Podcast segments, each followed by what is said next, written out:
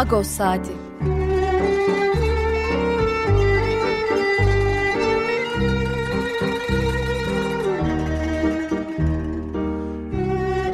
Haftalık Agos gazetesinin penceresinden Türkiye ve Dünya gündemi. Agos'un mutfağından haberler, söyleşiler, olaylar.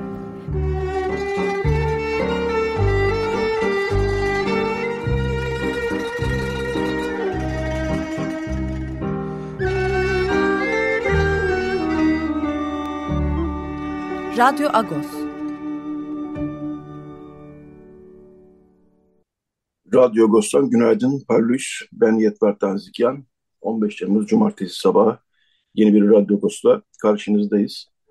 Hangi şarkıyla başladık hemen anons edeyim. E, Mazhar Fuat Özkan Üçlüsü'nden Yalnızlar Garı sevdiğimiz şarkılardan bir tanesi. 1987 e, No Problem albümünden niçin çaldığımızı tahmin etmişsinizdir. E, Mazhar Fuat Özkan üçlüsünden Özkan Uğur'u kaybettik geride bıraktığımız hafta. E, kıymetli bir isimdi e, bu toprakların müzik e, hikayesinde. E, genç sayılabilir. E, hep de genç kalmış bir isimdi. E, onu da anmak için e, Mazhar Fuat Özkan'dan bir şarkı Yalnızlar Garı'ndayımı dinledik. Evet bu hafta e, ne var Radyo Agos'ta? Nasıl daha doğrusu akışımız? Pakrates Dükkan'la birazdan e, haftalık olan sohbetimizi gerçekleştireceğiz. İkinci bölümde Gökçer Tayincioğlu gazeteci konumuz olacak. Önceki hafta e, İfade Özgürlüğü'nün 10 yılı ikinci kitap çıktı. 2012-2022 yıllarını kapsıyor. Gökçer Tayincioğlu derledi ama birçok gazeteci e, yazılarıyla bu kitaba katkıda bulundu. Ben de varım içinde. E, bence çok e, iyi bir doküman oldu. Zaten e, İPS İletişim Vakfı yani Biyanet'te yayınlayan İPS İletişim Vakfı daha önce de ilk 10 yılı kapsayan bir kitap yapmıştı. Bu da ikincisi oldu. E, son bölümde de Laura Baytar Çapar e, konuğumuz olacak. Hem e, Richard Ovanisyen'e ünlü tarihçi kaybettik geçen hafta. Onu alacağız hem de Antakya'da, Bakırköy'de deprem sonrası yaz sıcaklarında durum nedir onu konuşacağız. E, manşetimizden kısaca bahsedeyim. E, Hrant Dink e, anmaların da, başsavcılık Hrant Dink anmaların da suç saydı e, manşetimiz bu haftaki. E, Yargıtay Başsavcılığı Gezi davası ile ilgili tebliğnamesini e, hazırladı geçen önceki hafta. E, Gezi davasında biliyorsunuz Osman Kavala ve diğer sanık, sanık demediğimiz varmıyor. Diğer tutuklular içerideler, hapisteler e, mahkemenin kararı Yargıtay'a gitmişti. Yargıtay'ın kararı beklenirken Yargıtay Başsavcılığı da bir tebliğname hazırladı. İddianamedeki e, iddiaları tekrarladı Başsavcılık. E, mahkemelerdeki beyanları dikkate alınmadığı göründü. Bunlar da yetmezmiş gibi bir de e, Çiğdem Materutkur'un e, 19 Ocak ambalar için yaptığı görüşmeleri de telefon görüşmelerinin kayıtlarını da tebliğnameye koymuş ve bunları da suçmuş gibi göstermiş. E, gerek Dink ailesi gerek Hrant'ın arkadaşları tepki gösterdiler. Dink ailesinin açıklaması, diğer Çiğdem Mater'in açıklaması, Osman Kavala'nın açıklaması bu haftaki haberimizde var. E, böyle bir gelişme var. Bunu da manşete taşıttık doğal olarak. E, evet Pakrat abi parlıyız tekrar. Parlıyız. Merhaba Edward, günaydın. E, günaydın. E, manşetimizi e, konuşabiliriz istersen. E, ondan sonra da senin e, Hovanisyan'la ilgili bazı anıların var aslında. Bu hafta gündemimiz yoğun. E, manşetimizle ilgili e, söyleyeceğin şeyler vardır diye düşünüyorum. E, neler? Olmaz olur mu? Tabii ki. Burada e, suçlamadan bahsediyorsun ya Çiğdem Madder'in 19 Ocak anmalarıyla ilgili yaptığı telefon konuşmaları. Esasen yurttaşların, bütün yurttaşların bütün telefon konuşmalarını böylesine takip altında tutmak başlı başına bir suç olsa gerek. Bu nasıl bir e, polis devleti zihniyetine, istihbarat devleti zihniyetine dönüştük ki e, insanların, sıradan insanların e, gündelik konuşmaları bile kayıt altına alınıyor. Kim ne konuşuyor, sonrasında da bu kayıtlar üzerinden suçlama yapılıyor. Üstelik de suçlama ne? Suçlamada suç unsuru olmadığı çok bariz ama e, savcılık artık somut delil gibi bir kavramı bir yana bıraktı. E, niyet okumayla suçlama hazırlayabiliyor, iddianame hazırlayabiliyor. Esas mesele burada niyet okuma meselesi. Hani Hrant Dink anmasında e, bulunacak mısın, saat kaçta orada olacaksın, ne yapacağız gibi konuşmalardan e, vay sen demek ki oraya da katıldın demek. Evet katıldım. Binlerce insan gibi katıldım. Bundan ne anlam çıkarabiliyorsunuz? Bundan bir niyet okuyorsunuz. Yani benim profilimi şekillendiriyorsunuz. Bu adam nasıl bir adam? Hrant anmasına katılabilir. Cumartesi annelerinin toplantısına katılabilir. Dolayısıyla bunun profili şudur budur. Yani niyet okuma üzerinden suç üretmek, e, bu suçu da eğer illa bir somut delile dayandırmak gerekiyorsa suni bir şekilde gizli tanık ağzından e, bir e, iddiada bulunmak ve sonrasında bu gizli tanık o iddiaları reddetse bile ilk ifadesinde ısrar etmek öyle demişti ama diyerek bir kez daha niyet okuyarak insanlara ağır mahkumiyetler biçmek bu dönemin karakteristik özelliği oldu. Ee, şimdi insanlar çoğu kez artık bu dönemi 12 Eylül yargılamalarıyla kıyaslıyorlar ve durumun daha vahim olduğunu söylüyorlar. 12 Eylül'ün güdümlü askeri mahkemeleri bile daha adil olabiliyordu. Bugün yargı tamamıyla artık siyasallaştı ve e, parti devleti gibi bir oluşum var karşımızda. E, devleti tanımlarken artık bu ifadeler kullanılıyor. Parti devleti, e, polis devleti, istihbarat devleti gibi tanımlar e, getiriliyor ve bunun içerisinde en savunmasız unsur da birebir vatandaş oluyor, yurttaş oluyor. Yaptığı bütün konuşmaların dinlendiği, bu dinlemelerden de ihtiyaca göre suçlar üretilebildiği bir e, karanlık dönem yaşıyoruz. E, zor bir zamanda yaşıyoruz artık Türkiye'de. Özgürlük denen kavramı topyekün unuttuk. E, niye unuttuk? Sizin iyiliğiniz için diyorlar, güvenliğiniz için. Bir güvenlik devleti kavramı daha var. Yani devleti tanımlarken bir sürü ifade, bir sürü tanım, bir sürü sıfat kullanılabiliyor. Ama bunların hepsi de insanlara, sıradan insanlara karşı kurgulanmış bir şey kutsal bir devleti, soyut bir kavramı somut olan insana karşı baskı uygulamak için dengeye koyuyorlar. Hep söylenir evet. 12 Eylül Anayasası'nın bir ruhu var. İşte o ruh budur. O, e, Profesör Orhan Aldıkaç'tı anayasayı takdim ederken hazırladığı kendi başkanlığındaki ekip tarafından hazırlanan anayasayı takdim ederken 61 Anayasası vatandaşı devlete karşı koruyordu. Biz şimdi devleti vatandaşa karşı koruyan anayasa yaptık diye bilmişti. Bu ifadeyi kullanabilmişti.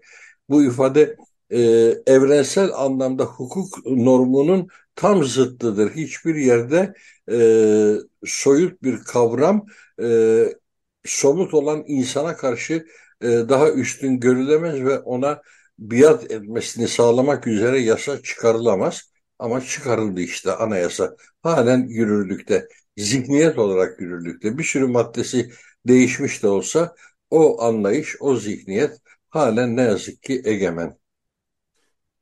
Evet Fakat abi bunu bu konuyu aslında ve buna benzer tüm bu ifade özgürlüğü, e, demokratik hakların karşısındaki engelleri ikinci bölümde Gökçer Tayincioğlu ile konuşacağız.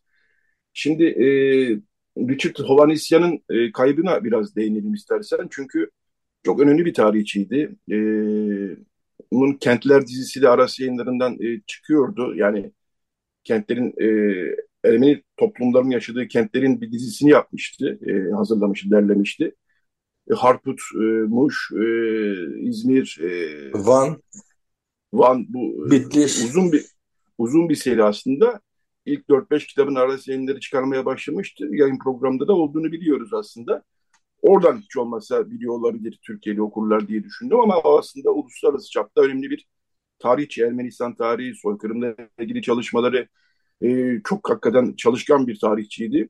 UCLA, e, University of California'da Ermeni kürsüsünün kurucusu ve e, hocasıydı aynı zamanda. Çok sayıda da e, öğrenci yetiştirdi. E, Türkiye'de gelmişti. Laura Baytar Çapar'ın bu hafta arka sayfadaki yazısı çok ilginç, çarpıcı hakikaten. Zeynep Türk Yılmaz da öğrenci, e, o yetiştiremedi çarşambaya. Onun yazısını internette e, önümüzdeki hafta gazetede de yayınlayacağız. Onun yazısını da internette e, okuyabilir e, okurlarımız, dinleyicilerimiz. Senin de ama e, hoş anıların var Hovan İsyan'da. dün telefonda konuşurken anlattın. İstersen Ovanisyen'e sen tanıdığın Ovanisyen'i ve o anılarını gene e, sanıyorum Ahtamar'ın açılışı yanlış hatırlamıyorsam. Ovanisyen'le iki kez bir arada olduk. Birisi e, Van'da Ahtamar Kilisesi'nin açılış seremonisiydi. E, gelmişti oraya.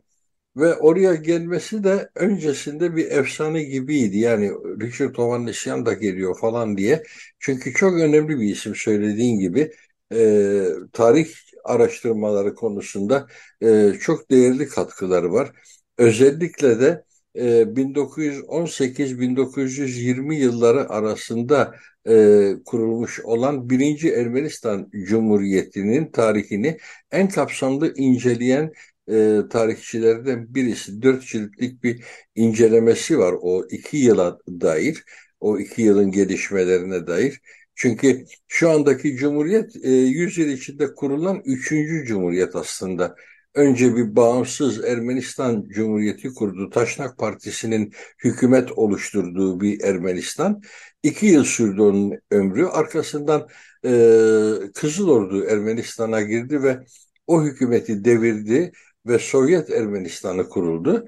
91'de de bugünkü Ermenistan Cumhuriyeti 3. Cumhuriyet olarak e, şekillendi. İşte o ilk cumhuriyetin tarihine dair dört ciltlik çok kapsamlı bir çalışması var. Belki de onun en önemli çalışması bu. Şehirler kitapları ise muhtelif konferansların e, sonradan derlenmesiyle, yan yana getirilmesiyle oluşturulan bir seri. Dediğin gibi ilk dört kitap yayınlandı e, ama sırada yayınlanmayı bekleyen birkaç çalışma daha var. Editoryal faaliyetleri henüz tamamlanmamış olan arastan çıkması beklenen birkaç kitap daha var bu şehirler serisinden. E, bizim e, tanışmamız da dediğim gibi Aklamar'ın açılış günlerindeydi ve çok özel bir ortamda e, bir arada olduk. E, bu özel ortam yerel bir gazetecinin eviydi. Daha doğrusu evinin bahçesiydi.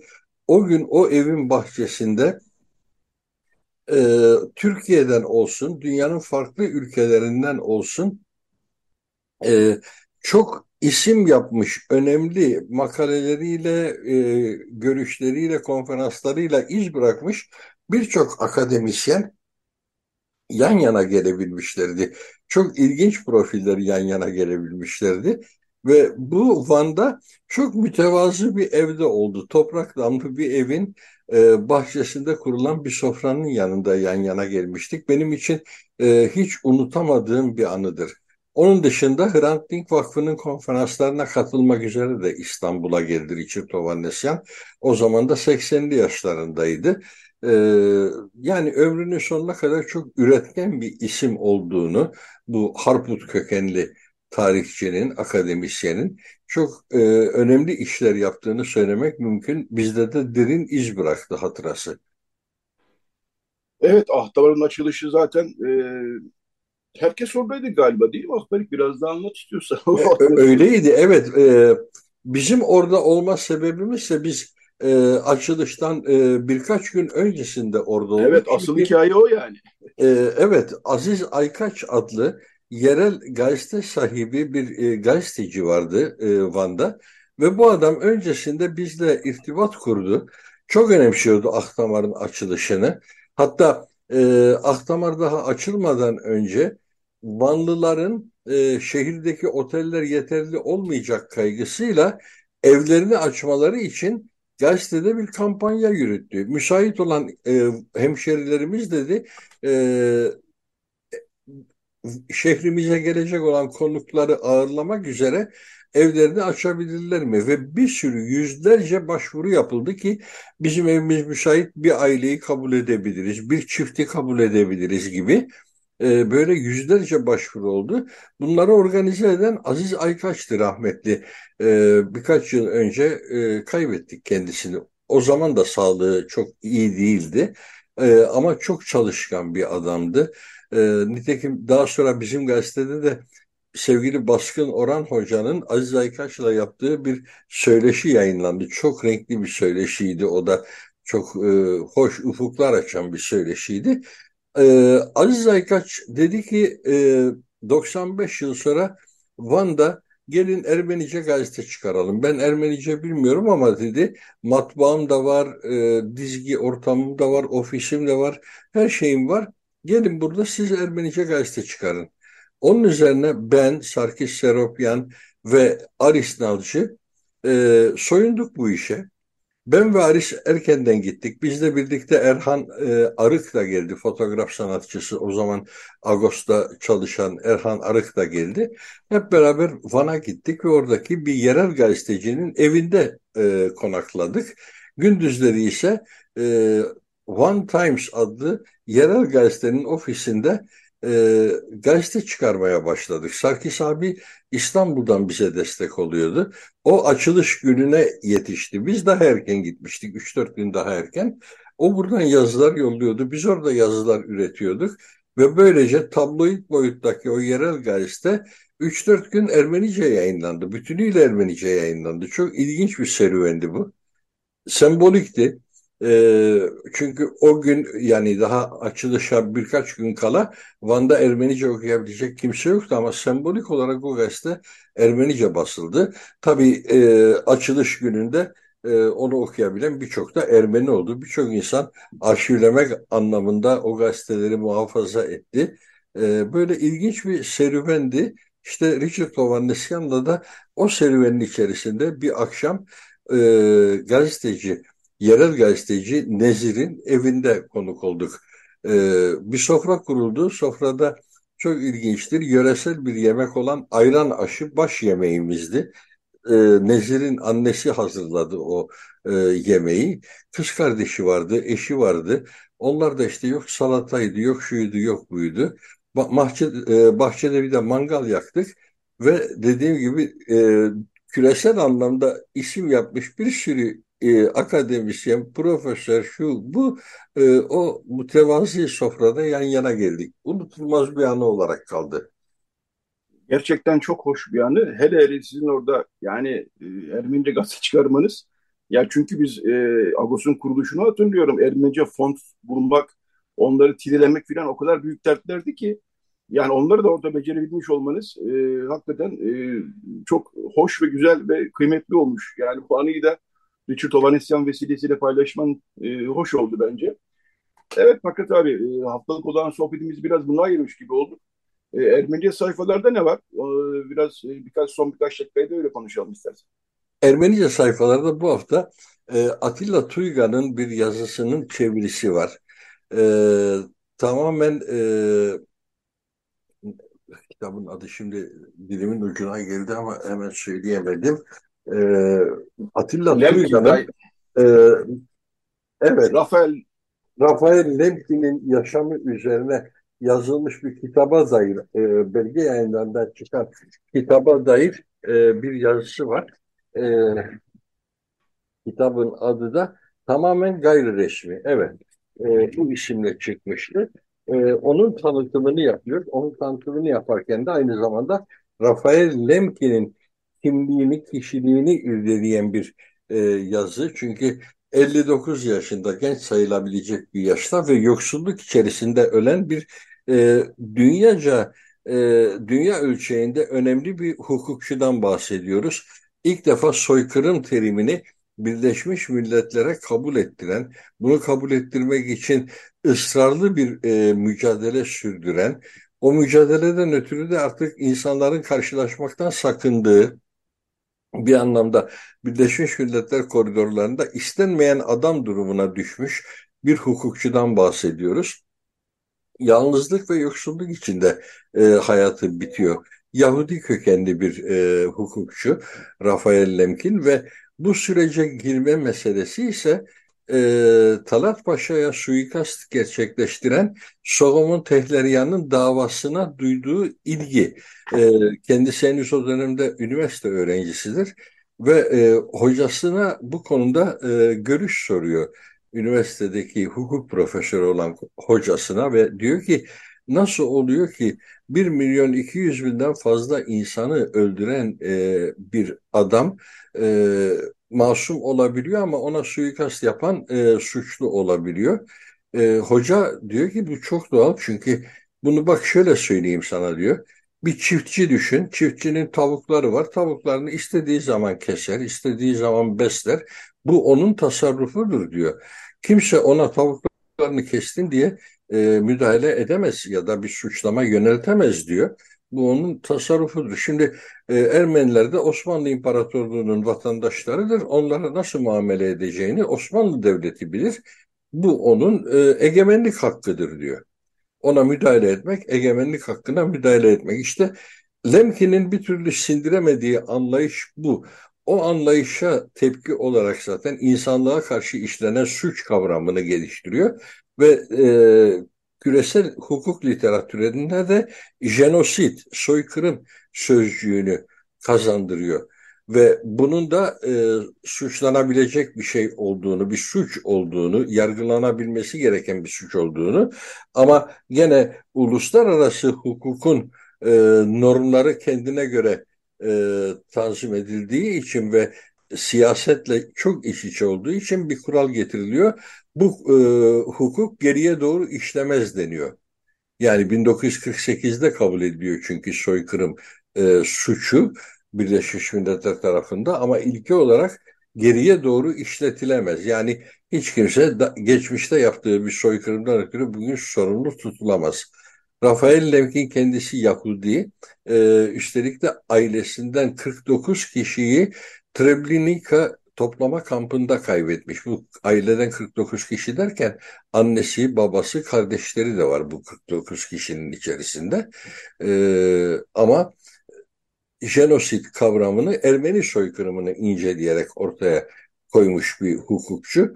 Ee, buna dair çok ilginç bir yazı vardı. Tercüme ederek e, bastık onu bu haftaki Agos'un Ermenice sayfalarında. Onun dışındaki e, yazılarımız gene bizim rutinlerimizdi. Birinci sayfamızda zaten haberlerin tercümeleri vardı. E, ben bu haftaki köşe yazımda Srebrenica soykırımını, Srebrenica katliamını yazdım. 11 Eylül onun yıl dönümüydü çünkü. Bu hafta buna Temmuz, denk geliyordum. Nasıl?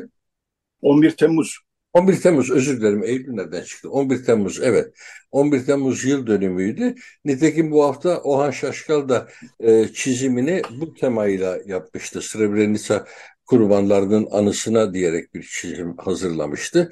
Ben de köşe yazımda bunu işledim ve dedim ki e, bir fiilin soykırım sayılması sayılarla ilgili değildir. Çünkü evet e, Yahudi soykırımında Holokost'ta 6 milyonun üzerinde Yahudi öldürüldü e, Ermeni katliamında 1-200 veya 1,5 milyon Ermeni katledildi ama e, Srebrenica'daki ölenlerin sayısı 8300 küsür bir sayı.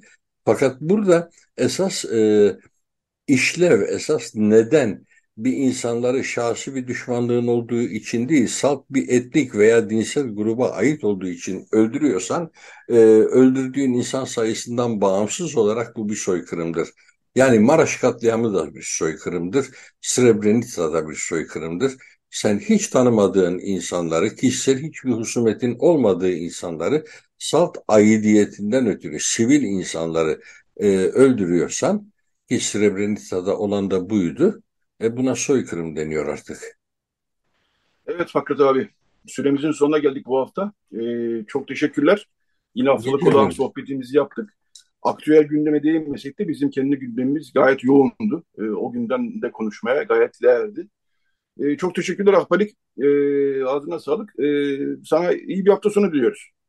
Teşekkür ederim Yetvat. Ben de iyi bir yayın diliyorum. Ben takipte olacağım zaten. Tamam. Teşekkürler Ahbalik. Görüşmek evet, üzere. Bu bölümü, bu bölümü de bir Mazhar Fuat Özkan şarkısıyla e, kapatalım. E, e, Mazhar Alanson'un sözleri ve bestesini yaptığı bir şarkı ama tabii ki Özkan Uğur da var içinde. 1986 ee, Vaktırak albümünden Gözyaşlarımızı Bitti mi sandığını dinleyelim. Daha sonra bir reklam arası, daha sonra Radyo Agos Gökçer Tayincioğlu ile devam edecek. Radyo Agos. Evet, Radyo Agos devam ediyor. Bu bölümde gazeteci Gökçer Tayincioğlu e, konuğumuz. E, Gökçer Tayincioğlu ismini hem Agos okurları hem e, Açık Radyo ve Radyo Agos dinleyicileri e, biliyorlardır muhtemelen. Uzun yıllardır e, hak savunuculuğu alanında yaptığı haberlerle, çalışmalarıyla, kitaplarıyla biliyoruz Gökçer Tayincioğlu'nu. E, evet, geçtiğimiz haftalarda e, IPS, İletişim Vakfı e, yayınlarından bir ay neti de e, yayınlayan e, IPS'ten bir e, kitap çıktı. İfade Özgürlüğü'nün 10 yılı. ikinci kitap. 2012-2022 e, başlıklı. E, adından anlaşılacağı gibi e, 10 yıllık e, kesiti e, ifade özgürlüğü açısından mercek altına alan bir e, çalışma bu. E, Birçok gazeteci, e, yazar, hak savunucusu makaleleriyle buna e, kitaba katkıda bulundu. Ali Can Uludağ, saymak gerekirse Ali Can Uludağ, Aysun Cerek, Ayşegül Doğan, Bahadır Özgür, Burcu Karakaş, Erol Önderoğlu, Fikret İlkiz, Gökçer Tayincioğlu ayrıca yazısıyla, Kenan Şener, Levent Pişkin, Mehtap Ceylan, Mehveş Evin, Özlem Akarsu Çelik, Sibel Yükler, Timur Soykan, Ulaş Karan, ben Yetvar Danzikyan ve Yıldız Tar e, makaleleriyle katkıda bulunduğum kitaba. Ayrıca e, kitabın ayrı bir önemi de e, dökümler var e, kitabın içerisinde. Bu 10 yıllık e, dönemden, Biya Medya Gözlem'den e, dökümler var. E, Gezi Direnişi var, gün gün e, medya bilançoları var. Evet, e, günaydın Gökçen, hoş geldin yayınımıza. Günaydın, iyi yayınlar. Teşekkür ederim. E, Gökçer diyeceğim, e, dinleyicilerimiz yadırgamaz umarım. Gökçer'le ahbaplığımız var uzun yıllara dayanan. E, Gökçer, e, bunun bir de birinci kitabı vardı aslında. Bu bir artık gelenek herhalde olacak, öyle sanıyorum. E, onar yıllık dilimler aslında ama bu ikinci on yıllık dilim yani 2012-2022 e, hakikaten e, ifade özgürlüğü ve medya özgürlüğü e, alanındaki e, ihlallerin, e, baskıların, engellemelerin e, çok yoğun yaşandığı bir dönem olsa gerek. E, kitabı derlerken şöyle başlayayım. Kitabı derlerken e, nerelere e, dikkat ettiniz? Ne, bunlar mutlaka olmalı dediğiniz e, konular nelerdi? E, nasıl bir çalışma yürüttünüz diye başlayayım ben.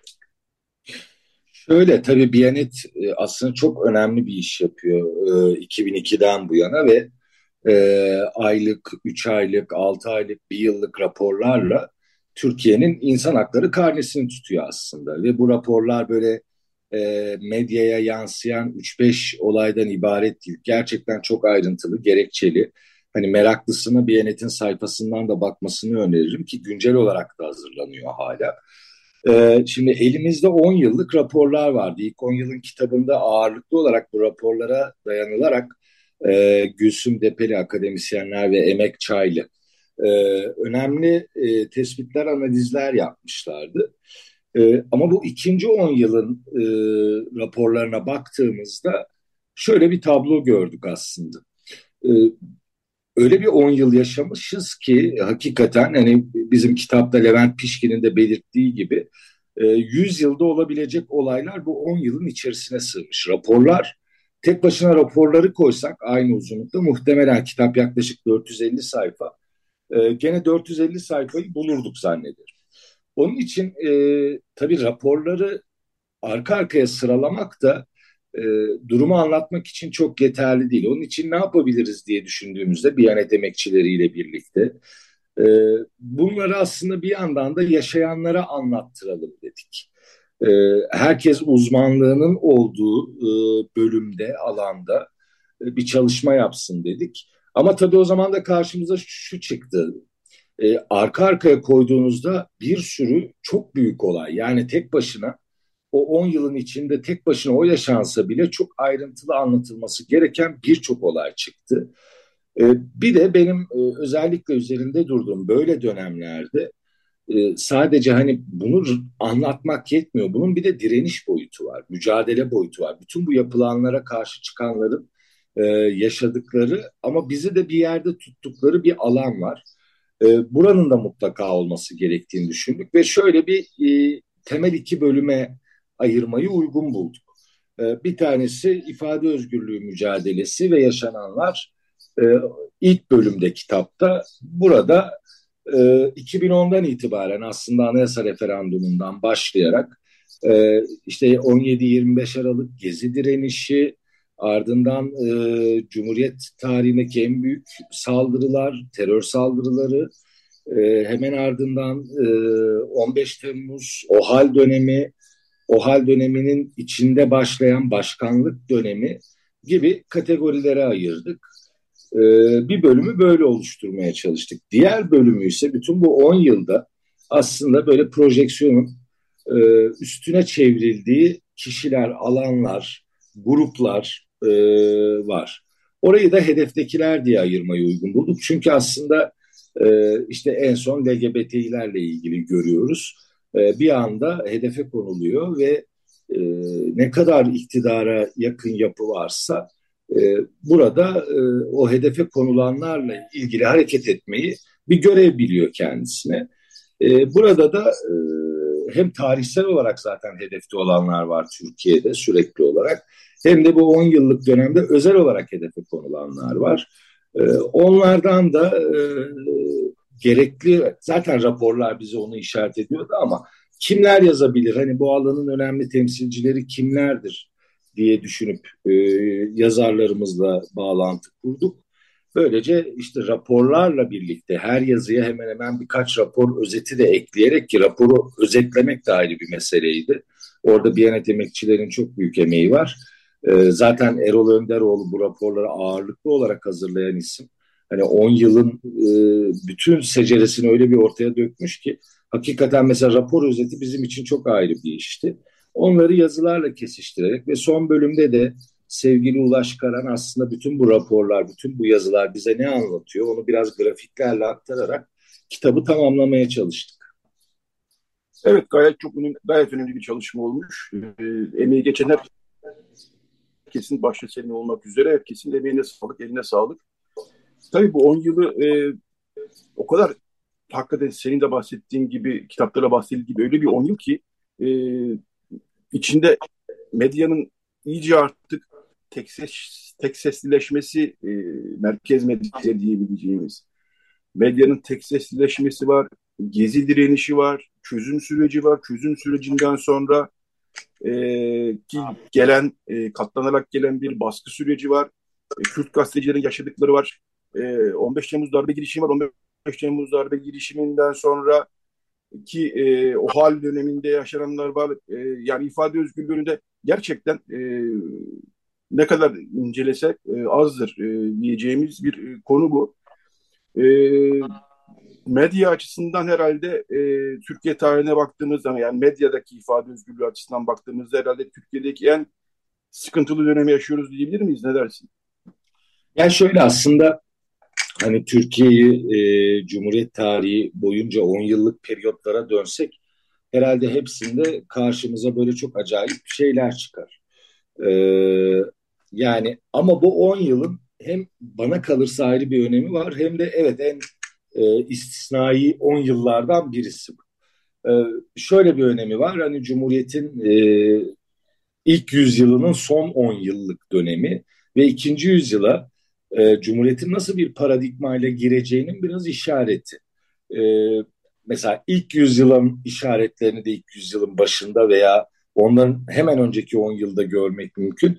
Burada da görmek mümkün.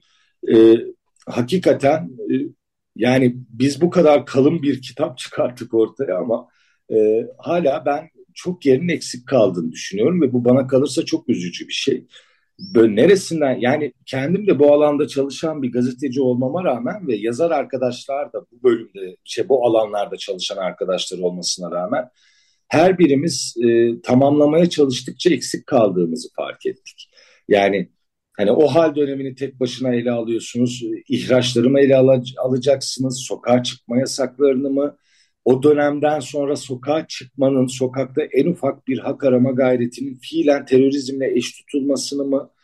E, ya da işte e, geliyorsunuz e, o hal öncesine 15 Temmuz öncesine sonrasına işte 7 Haziran seçiminden önce yaşananlar sonra yaşananlar medya ile ilgili özel e, bir çaba içine girilmesi işte bu kurumların ortadan kaldırılmasa da içinin boşaltılması ve baskı araçlarının tek tek e, inşa edilmesi ve hangi birini biraz anlatacağımızı şaşırdığımız bir dönem. E, onun için kategorize etmeye çalıştıkça ne yaparsak yapalım eksik kalacağımızı fark ettik ki bence bu Türkiye açısından çok trajik bir şey. E, maalesef Türkiye Cumhuriyet'in ikinci yüzyılına e, böyle bir 10 yılı geçirdikten sonra belki hani eskiden ben bu eski cumhuriyet yeni cumhuriyet tartışmalarına hep mesafeli duran biriyim. Yani e, ama hakikaten 12 Eylül'den sonra büyük mücadelelerle elde edilen e, birçok hakların, e, arkasına sığınabildiğimiz birçok kavramın e, bütünüyle ortadan kaldırıldığı, e, en geriye yeniden düştüğümüz e, bir dönemi yaşamışız. E, bunu anlıyoruz. Evet, e, bir taraftan tabii sosyal medyanın devreye girmesiyle e, merkez medya ne kadar baskı altında tutulursa tutulsun, e, sosyal medyanın devreye girmesiyle yine de bir tür bazı hava delikleri de oluştu. Yani haber edinme, bilgi edinme, yorum edinme anlamında ama sosyal medyada tabii e, egemen bu sefer manipüle etmek için de e, kullanacakları bir fırsat olarak gördüler. Yani işin böyle yönleri de var tabii. Dolayısıyla biraz karmaşık bir dönemdeyiz işin gerçeği. E, tabii 10 yıla bakarken ister istemez e, 10 yıla damgasını vuran birçok e, olay var ama hala etkilerini hissettiğimiz bir gezi direnişi var. O da sanıyorum e, üzerine durulmayı hak ediyor. Çünkü gezi direnişi bittikten sonra e, yani işte polislerin müdahalesiyle şuyla buyla bittikten sonra yıllar sonra bu gezi direnişini bir kriminalize etme çabası e, hükümet tarafından başlatıldı. Davalar açıldı. Taksim Dayanışması e, özelinde, Osman Kavala özelinde beraat ettiler. E, sonra bir daha dava açıldı.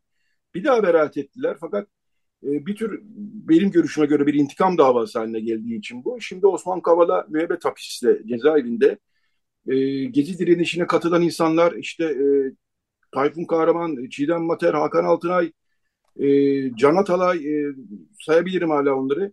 E, onlar da hapse atıldılar ve e, şu an Can Atalay mesela e, milletvekili seçilmesine rağmen ve henüz bir hükümlü olmamasına rağmen e, bırakılmıyor. Dün de Yargıtay'ın kararı geldi dün akşamda. E, reddettiler e, tahliye edilmesi talebini Can Atalay'ın. Halbuki bir milletvekili artık kendisi. Üstelik de hükümlü değil yani Yargıtay'daki süreç devam ediyor. E, Osman Kavala için e, suçlamalar ısrarla e, işte Osman Kavala cezaevinden gayet nazik ve derinlemesine mektuplar yazıyor ama Osman Kavala için ısrarla suçlamalar sürdürülüyor, hedef haline getirilmesi sürdürülüyor. E, bir de bizim bu hafta maaşıyla taşıdığımız e, Yargıtay Başsavcılığı'nın tebliğnamesi var. Yani cezaların onanmasını istediği tebliğnamesi var. Ve orada da ranting anmaları da suç sayılmış. E, ranting anmaları için yapılan görüşmeler daha doğrusu. Telefon görüşmeleri suç sayılmış. Bunun kayıtlarına yer verilmiş. Gezi meselesi herhalde biraz üzerine konuşulmayı hak ediyor değil mi? Ne dersin? Gezi tek başına aslında bu dönemin e, karakteristiğini belirleyen olaylardan. E, yani geziye birkaç kompartmanda bakmak gerekiyor bana kalırsa. Bir hani gezi direnişinin yaşandığı dönem öncesinde e, buna ne yol açtı, bunlara ne yol açtı, bütün bu e, Türkiye'nin hemen her kentinde insanlar neden sokağa çıkma ihtiyacı hissetti. E, gezi sırasında yaşananlar ve bir de gezi sonrasında yaşananlar. Şimdi yani bir taraftan e, e belki bütün dünyanın ilgiyle izlediği e, tarihe geçecek bir e, hak arama e, biçimi Gezi. E, örneği çok görülmedik bir biçimde e, sivil, barışçıl e, ama bir taraftan onun içinde ısrarla e, şiddeti sokmak, şiddeti yoğunlaştırmak isteyen bir kesimin varlığı. Burada e, devletin içinde o dönem e, Selahattin Demirtaş'ın çok sık ifade ettiği Gezi'de bu şiddeti köpürtenler kimlerdi diye şimdi firari olan bazı polis müdürlerini de kastediyorum. E, e, ondan sonra da Gezi'ye bakarak e, bu iktidarın attığı adımlar aslında hani çözüm sürecinin bitişini de seçim sonuçlarıyla birlikte buradan çok ayrı okumamak gerekiyor ve e, o hal döneminde e, yapılanları da çok ayrı okumamak gerekiyor. Yani sonuçları itibariyle aslında Gezi e, bugün geldiğimiz e, noktanın da belirleyici olaylarından bir tanesi. Gezi davası ise bana kalırsa hani 100 yıl sonra da konuşulabilecek davalardan biri. Hani Türkiye'de o davaların örnekleri çok az değildir maalesef ama hakikaten yani e, böyle şimdi hep şuna takılıyoruz. Yani bizim Türkiye'de adalet konuşmamız o yüzden zorlaşıyor her zaman. İşte diyorlar ki mesela bir konuya başladığınızda işte Demirtaş'ta böyle, Kavala'da şöyle bilmem ne. Yani böyle isimlerin üstünü kapatın, sevin sevmeyin hiç önemli değil. Ama bu davada yaşananların ben işte 25-26 yıldır bu yargıyı izleyen biri olarak, e, yargı muhabirliği de yapmaya çalışan biri olarak e, ben böyle şaşkınlıkla izliyorum. Her defasında şaşırmama da şaşırıyorum ama yani yok artık bu kadarı da olmaz e, diyebileceğimiz işte Osman Kavala'nın içeride tutuluş biçimi.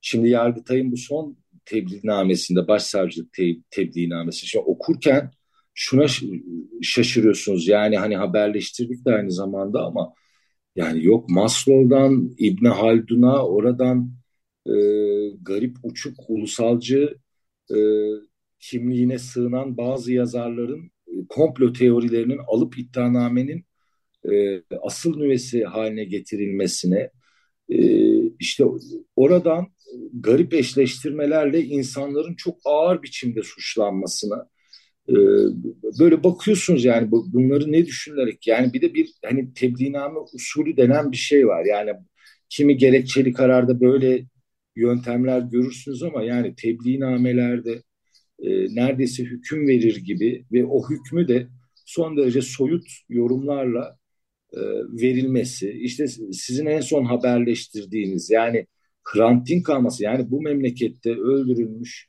e, Ermeni bir gazetecinin anmasının bile kriminalize edilmesi, satır arasında bunun yapılması. E, işte zaten hani sokağa adımının atmanın suç sayıldığını e, yaşadık biliyoruz ama ya bu kadar da olmaz dediğimiz ne varsa görebiliyoruz. Yani e, işte bu Can Atalay ile ilgili son kararda e, Yargıtay 3. Ceza Dairesi diyor ki bir yandan Can Atalay'ın tabii e, milletvekili dokunulmazlığından bu dava nedeniyle yararlanamayacağını söylerken Anayasa Mahkemesi diyor anayasayı uygulayamaz hale getiriyor. Çünkü Anayasa Mahkemesi ne yapmış demiş ki işte yargılanmasına yol açan bu vekillerin e, meşhur bir anayasa 14'ümüz var bizim. Eğer seçimden önce e, anayasal suçlardan bir soruşturma başlamışsa daha sonra dokunulmazlık kazanılsa da bu soruşturma ve dava devam eder şeklinde olan. Bu maddede hiçbir suç yazmıyor. Çok son derece soyut terimler var. Gergerlioğlu kararında e, Anayasa Mahkemesi demiş ki ya meclis sen bu için içini doldur. Hangi maddeler bu kapsamdadır söyle. Aksi takdirde bir belirsizlik ortaya çıkar e, ki çıkıyor. Bu şekilde olmaz. E, ve Yargıta 3. Ceza Dairesi e, kalkmış hani meclisin bile esas aldığı bu yorumu kanun çıkartmasa da Gergerlioğlu'na milletvekilliğini yeniden kazandırmasıyla esas aldığı bu yorumu hayır demiş bu anayasanın e, uygulanamaz hale getirilmesidir. Şimdi hani zaten normlar hiyerarşisinde hani tabii Anayasa Mahkemesi'nin yargıtaya yönelik bir üstünlüğü yok ama bireysel başvuru sonucu karar verilen bu kararların herkes için bağlayıcılığı var. Ee, yani neresine şaşıracağımızı gerçekten şaşırdığımız bir dönem. Maalesef hani mesela Can Atalay'ın kararından şunun ipuçlarını da görüyorsunuz. Yani e, bu daire Yargıtay'da terör suçlarına, anayasal düzene karşı işlere, e, işlenen suçlara bakan daire. Hani Gezi davasının Yargıtay incelemesi bitmedi. Sadece tebliğname hazırlandı ama bir bakış açısını buradan e, maalesef görüyoruz. E, evet. Her ne kadar yani yerel mahkemenin kararına sığınarak bu yorumları yapıyor ama e, pekala şunu da diyebilirdi. Yani bu Yargıtay incelemesinden geçmemiş bir davadır. Can Atalay'da verilen hapis cezası kesinleşmemiş bir milletvekilidir. O nedenle e, zaten işte Anayasa 14 ile ilgili Anayasa Mahkemesi kararı da var. Bu yüzden yargılamayı durduruyorum ve tahliyesine karar veriyorum da diyebilirdi. Ama bunun yerine Can Atalay üzerinden eli kanlı e, eylemlere imza atan e, katiller de bundan yararlanır. Kırmızı bültenler çıkartılan katiller de bundan yararlanır diyerek Can Atalay'ı da o çemberin içine koyarak bir, bir sürü barışçıl insanı da bu çemberin içine koyarak e, işte burada kişileri içeride tutma çabasının devamını görüyoruz maalesef. Evet, ne yazık ki durum böyle. Siyasetin çok ağırlıkta olduğu bir e, hukuki dönem, e, çok çok ağırlıkta olduğu bir hukuki dönem yaşıyoruz. E, son 2-3 dakikamız, e, burada tabii son 2-3 dakikada da daha geniş konuşmaya hak ediliyor e, tabii bu ilk konu ama LGBT'ler üzerindeki baskı ve Kürt gazeteciler üzerindeki baskı da bir de tabii KYK vesilesiyle yani barış imzacılar üzerindeki hak ihlalleri de e, hakikaten bu son 10 yıla damgasını vurdu diyebiliriz. E, birkaç cümleyle e, bir şeyler söylemek ister misin konuda?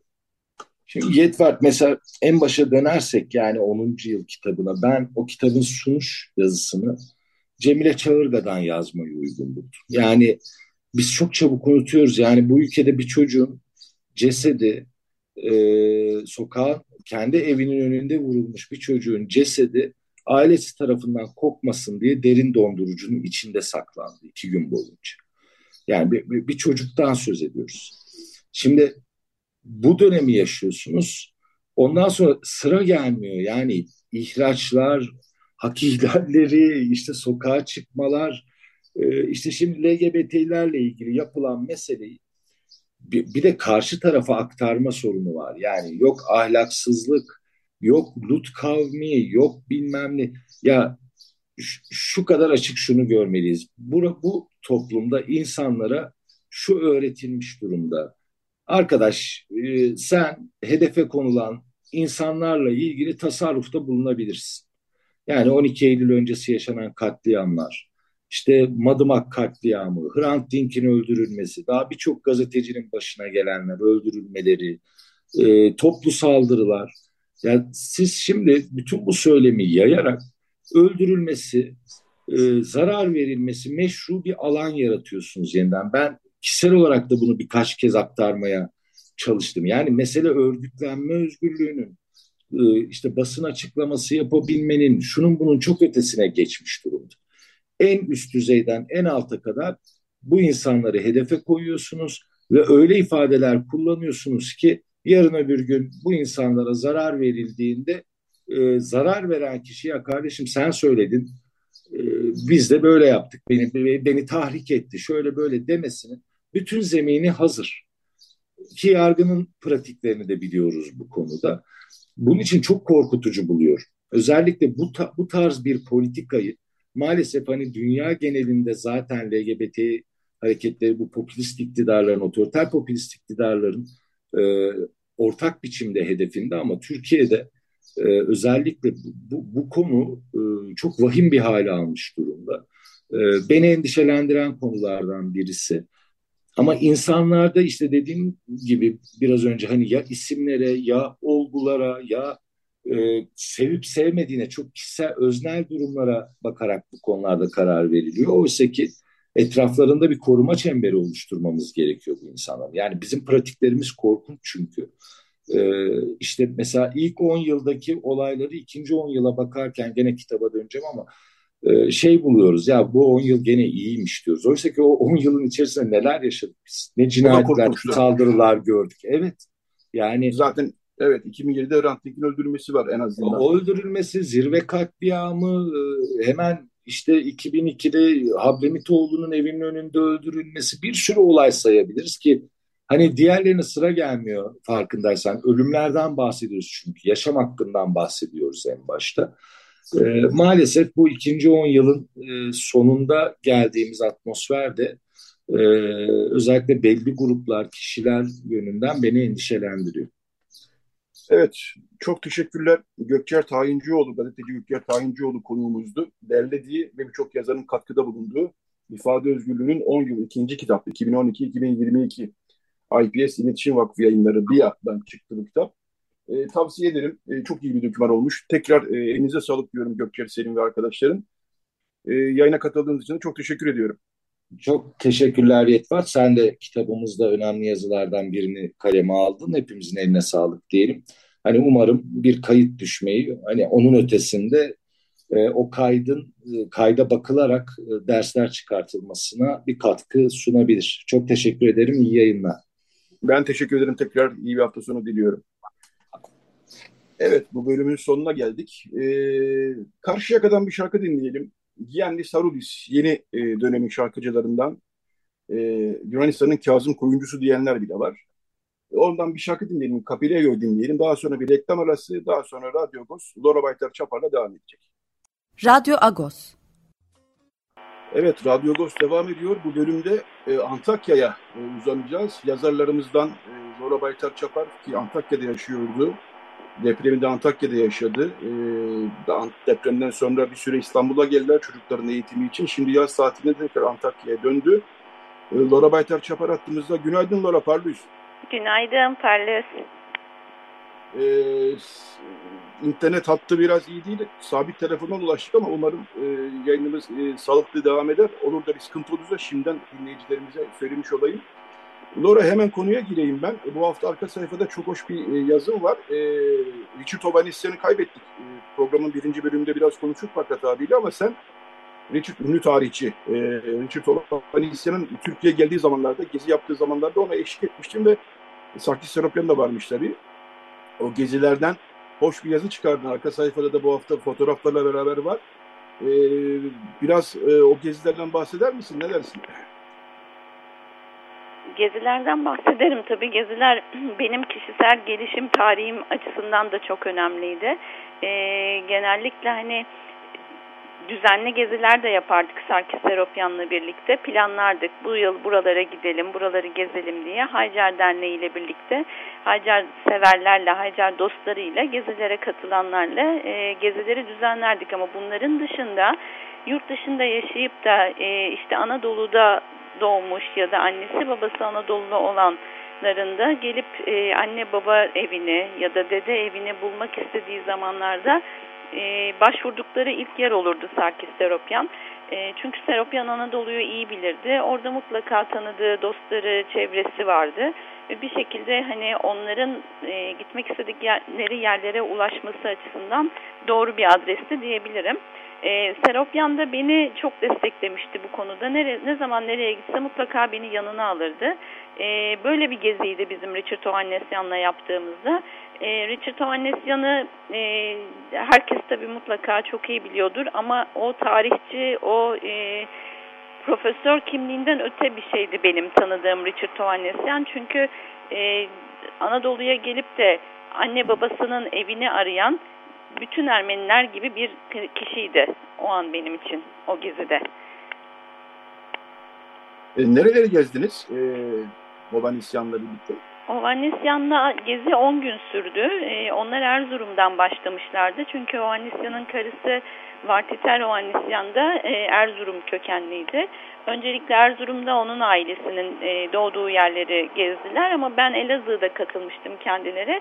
Sonrasında e, işte rotamız epey genişti. Dersim'e, Van'a, Diyarbakır'a biz birçok yere gitmiştik yani. Hatta o zamanlar Ahtamar Kilisesi'nin restorasyonu devam ediyordu. E, Ahtamar Kilisesi'ni de görmüştük. E, bayağı bir gezimiz 10 gün sürmüştü. Çok inanın detayları hani şu an hatırlayamıyorum ama bunlar temel olarak gezdiğimiz şehirlerdi. Peki e, Hovannisyan aslında bütün o kentleri hakkında bir şeyler okumuş olarak e, yani geldiğini söyleyebilir miyiz? Çünkü çok da e, sadece Ermenistan tarihi değil, bütün Ermeni tarihi üzerine çok çalışmalar yapmış. Evet, evet kesinlikle her Kafasında yeri çok teorik iyi. bilgilerle her yeri çok çok iyi bilgiler... biliyordu. E, biliyordu Hı-hı. tabii. Yani tarihsel olarak o şehirlerin şeyini, hikayesini, e, dokusunu, her şeyini biliyordu. Yani siz de ondan bir şey öğrendiniz, o da sizden bir şey öğrendi. Çok bir şey oldu herhalde. Aynen, aynen. Çok güzel, verimli bir geziydi bizim için. E, kişiliği de çok e, övülüyor. Yani çok tatlı, e, yani bir e, çok ünlü bir tarihçi olmakla beraber böyle bir otoriter bir kişilik değil. Tam tersine çok yardımsever, çok renkli bir kişilik, e, tatlı bir kişilik olduğunu söyler. Ben tanımadım kendisini ama senin gözlemlerin neler?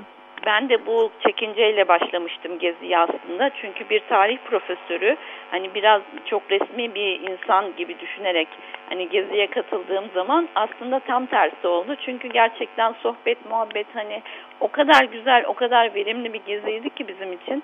E, o yazıda da anlattım zaten biz e, şeyde e, Dersim'de röportajımızı yapmıştık. Gayet rahat işte suyun içine karpuz bıraktık, ayaklarımızı suyun içine soktuk. Yani bir tarih profesörünü böyle hayal etmemiştim hiçbir zaman. Bu kadar rahat olabileceğini. Ee, bir de bu haftaki gazetede bir lahana tarlası mı orası? Bir fotoğraf var. O da hoş bir fotoğraf. Orası neresi? Evet. E, Kesrik köyü. E, annesinin e, kes, e, kökenleri Kesrik köyündenmiş. Elazığ Harput'un Kesrik köyünden. E, o köy de lahanalarıyla ünlüymüş. İnsanların üzerine oturabileceği kadar büyük lahanalar olurmuş orada. Biz de gittiğimiz zaman tesadüf lahana tarlaları o kadar işte e, yapraklanmıştı. İçinde lahana çok fazla yoktu ama Oda içinde gezerken fotoğrafını çekmiştik. Evet o da çok hoş bir fotoğraf. Ee, evet seni bulmuşken, seni Antakya'da bulmuşken e, biraz e, şey son durumları da konuşalım. E, yani çok sıcak e, İstanbul'da. E, Hatay'da, Antakya'da muhtemelen daha da sıcaktır. Vakıfköy belki yukarıda olduğu için biraz serin olabilir ama e, son durum nedir? E, bu sıcakta insanlar e, nerede barınıyorlar? Gerek Antakya'da gerek Vakıfköy'de su sorunu haberleri duyuyoruz dünden beri tekrar. E, birkaç cümlede de oraya geçelim istersen. Evet maalesef gerçekten çok çok sıcak var. Normalde Hatay zaten sıcak bir coğrafya. Bugünlerde ekstra sıcak ol, olduğu için yani yaşam birazcık zorlaşıyor. Dediğin gibi Vakıflıköy biraz daha rahat, daha e, bizim için hayat kurtarıcı bir yer diyebilirim. E, ama tabii hayat zor, gerçekten çok zor. Antakya toz içinde ve bu sıcakta o toz insanın üstüne yapışıyor nemle birlikte. Yaşam iyice zorlaşıyor. Yoksunluklar çok çok fazla. Senin de bahsettiğin gibi su gibi temel yoksunluklar çok fazla. Elektrik, su. Yani sürekli bir elektrik kesintisi hali var. Arada gidiyor elektrik, birkaç saat gelmiyor. Hani yaşamı zorlayan her şey burada mevcut diyebilirim şu anda. Ee, Antakya'da hala yıkıntılar var galiba değil mi? Yani duruyor. Tamamen kaldırılmış değil mi yoksa? Yok hayır. Yani o e, binalar şöyle söyleyeyim ilk etapta enkazlar kaldırıldı. Sonra acil yıkılacak olanlar kaldırıldı. E, işte yık, herhangi bir durumda yıkılırsa yolu kapatabilme tehlikesi olan binalar kaldırıldı. Yani biraz sırayla devam ediyor. O kadar çok bina var ki yıkılması ve kaldırılması gereken. Dolayısıyla biraz hani yavaş gidiyor süreç. Hani bunun içinde e, sanırım uzun bir zaman belki bir yıl kadar sürecek o binaların kaldırılması gibi gözüküyor. Barınmayı Bu sormuştun. Büyük... Barınma e, evet. e, mümkün olduğu kadar konteynerlarda, konteyner kentlerde devam ediyor. Çadırlardaki barınma biraz daha e, az sayıda diyebilirim. Hani köylerde belki uzak köylerde çadırda devam ediyor ama yani ağırlıklı olarak konteynerde ama konteynerde yaşam da şu an için çok kolay değil havanın bu kadar sıcak olması konteynerin içinde yaşamı iyice zorlaştırıyor. E, dolayısıyla burada hayat gittikçe zorlaşıyor diyebilirim yani. E, zaten depremden sonra e, konteyner fikri ortaya çıktığı zaman e, birçok insan burada yaz çok sıcak geçer. Konteynerlerin içi fırın gibi olur. E, konteyner dışında bir çözüm bulsak iyi olur diyorlardı ama konteyner dışında bir çözüm bulunamıyor galiba değil mi? Aslında nasıl, bulunabilen nasıl? yerler var. Ahşap üzerine yapılan e, şeyler var. Ahşap e, barınma çözümleri üretiliyor.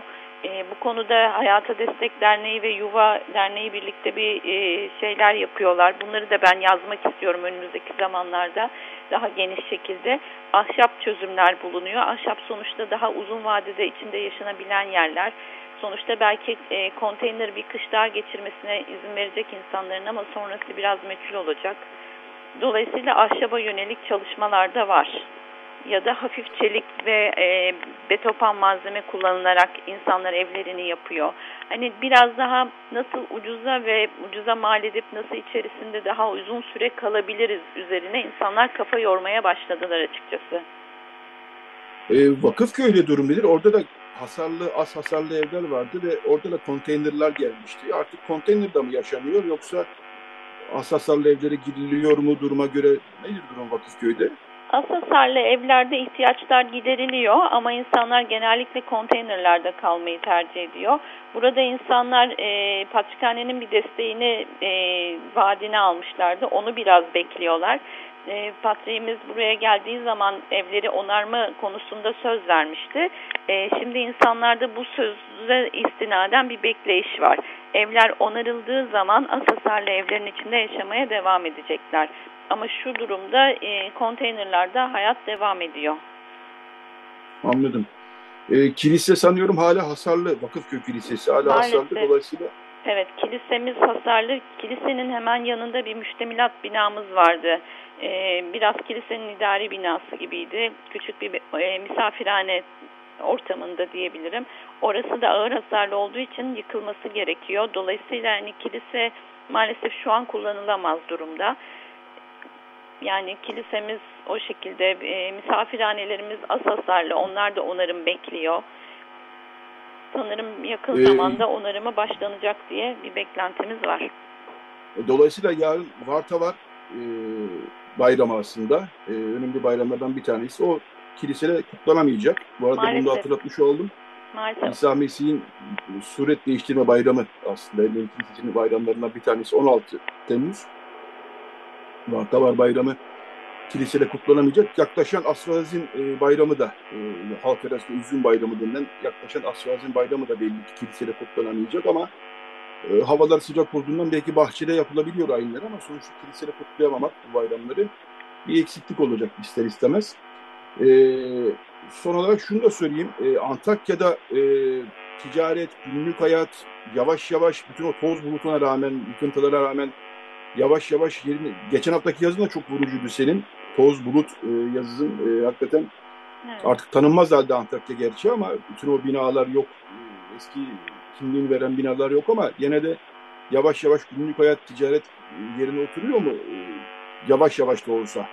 Yani evet. şöyle söyleyeyim, insanlar bir şekilde çalışmaya başladılar. Ee, uzun çarşıdaki dükkanlar açılmaya başladı. Bu bize umut veriyor. Çünkü uzun çarşı dediğiniz yer e, ticaretin merkeziydi. Ama sonuçta uzun çarşıdan alışveriş yapanlar Antakyalılardı. Hani o orasının açılmış olması sembolik açıdan bir önem arz ediyor ama ekonomik açıdan altyapısını doldurabilecek mi şu an için meçhul durumdayız. Ee, ben bu haftaki yazıda buradaki pahalılıktan da bahsetmiştim e, ciddi bir yoksunluk ve bunun getirdiği bir yüksek fiyat durumu var. Bu da hayatı zorlaştırıyor. E, mesela deprem öncesinde Antakya'da kiralar çok uygundu. Antakya'da, Samandağ'da 2000'ler bandındaydı kiralar. Şimdi gittikçe artıyor. Ee, seçim zamanı geldiğimde 7500 liraya bir evin kiraya verildiğini duymuştum ve ben çok şaşırmıştım. Nasıl olabilir böyle bir şey diye. Sonra bu sefer geldiğimde e, 10 bin lira kiralık ev verildiğini duydum ve şimdi 12 bini duyuyorum. Gittikçe bu artıyor. Sonuçta az e, az kalmış sağlam binalar insanlara yetemediği için de yüksek fiyata e, alıcı bulabiliyor. Bunun gibi iş gücü de çok pahalandı burada. Usta bulamıyorsunuz, e, çalışacak insan bulamıyorsunuz. Bulamadığınız zaman da iş kıymetli oluyor e, ve yüksek fiyata yaptırabiliyorsunuz yani. Bu da tabii hayatı zorlaştırıyor. Yani ekonomik açıdan epeyce zor günler bizi bekliyor gibi duruyor. Sebze meyve fiyatları için de aynı şeyi söyleyebilirim. Biz burada o kadar uyguna sebze meyve tüketirdik ki şimdi İstanbul'dan pahalı hale geldik burada. Evet durum zor. Yani unutuldu da biraz deprem e, coğrafyası. E, araya işte seçim girdi, başka gelişmeler girdi. E, enflasyon bir taraftan Türkiye'de, sıcaklar falan derken aslında ama e, deprem bölgesinde hayat hala zor, çok zor. Senin de söylediklerinden çıkarıyoruz bunu. Dolayısıyla sivil toplum kuruluşlarının çalışmalar yaptığını biliyoruz ama yeniden bir sanıyorum farkındalık, e, farkındalığa ve tekrar e, deprem bölgesinin odak noktasına almaya ihtiyaç var gözüküyor. Ne dersin? Kesinlikle ihtiyaç var. Hep burada bir söylem var. E, afet bölgesi olarak hani ilan edilse burası diye bir beklenti var. Çünkü gerçekten e, hani unutuluyor. Unutuluyor çünkü herkes normal hayatına devam ediyor. Herkes tatiline gidiyor. Herkes e, işine gidiyor. Herkes bir şekilde normal hayatı devam ediyor ama burada hayat gittikçe zorlaşıyor. Ben bir yazıda yazmıştım hani insan elini kolunu kırdığı zaman ilk etapta anlamıyor başına ne geldiğini ama sonra o alçının içinde o kırık elde yaşamak zorlaşıyor ya aynı o şekilde şu an bizim burada yaşadığımız. Evet e, kolay gelsin diyorum size. Ben de buradan bir işte çağrıda bulunmuş olayım. Hakikaten e, deprem bölgesine tekrar e, ilgilenmemiz gerekiyor. Tekrar odak noktasını almamız gerekiyor. Bu sıcaklarda su yok günlük hayat devam edemiyor, barınma sorunu var. E, sorun sorun sorun. E, hepsi üst üste binmiş vaziyette. Laura Baytar Çapar e, kolay gelsin diyorum size. E, yazılarını çok da faydalı oluyor. Takip ediyoruz bir taraftan. Eline sağlık. Teşekkür ederim. E, herkese de kolaylıklar diliyorum. Teşekkürler yayına katıldığın için. Teşekkür ederim. İyi günler diliyorum herkese. Hoşçakalın. Teşekkürler. Evet, Laura Baytar Çapar'la zaten e, gazetede e, her hafta yazılarını okuyorsunuz gazetede internette. Zaman zaman da buradan e, internet, e, radyodan e, sesinin duyurması e, iyi oluyor bizce de. Evet, bu hafta da Radyo Agos'un sonuna geldik. Yarın e, dediğimiz gibi e, Ermeni Kilisesi'nin önemli bayramlarından bir tanesi İsa Mesih'in suret değiştirme bayramı ya da Vartavar bayramı. E, kutluyoruz şimdiden. E, Recide Beren Baltaş yardımcı oldu bize. E, yayını da bir e, bu sefer de Uruguay'a e, uzanalım. 1973 yılından bir albüm. E, Uruguaylı Ermeniler, Ermeni gençler, o zamanki Ermeni gençler, şimdi artık sanıyorum e, orta yaşın üzerindeler. Bir grup kurmuşlar. E, Conjunto Electronico Armenio, Ermeni Elektronik Topluluğu e, adı altında bir grup kurmuşlar. Ve bir albüm yayınlamışlar. E, bildiğim kadarıyla tek bir albümleri var. E, araştırmalar devam edecek. E, onlardan e, bir şarkı dinleyelim. Carnammior yani Bahar'dan Bir Gün şarkısını dinleyelim. İlginç bir soundları var. E, seveceğinizi umuyorum. Evet, e, Conjunto Electronico Armenio'dan Carnammior'u dinliyoruz. Bizden bu haftalık bu kadar. Haftaya yeni bir Radyo Ghost'ta buluşmak üzere diyelim.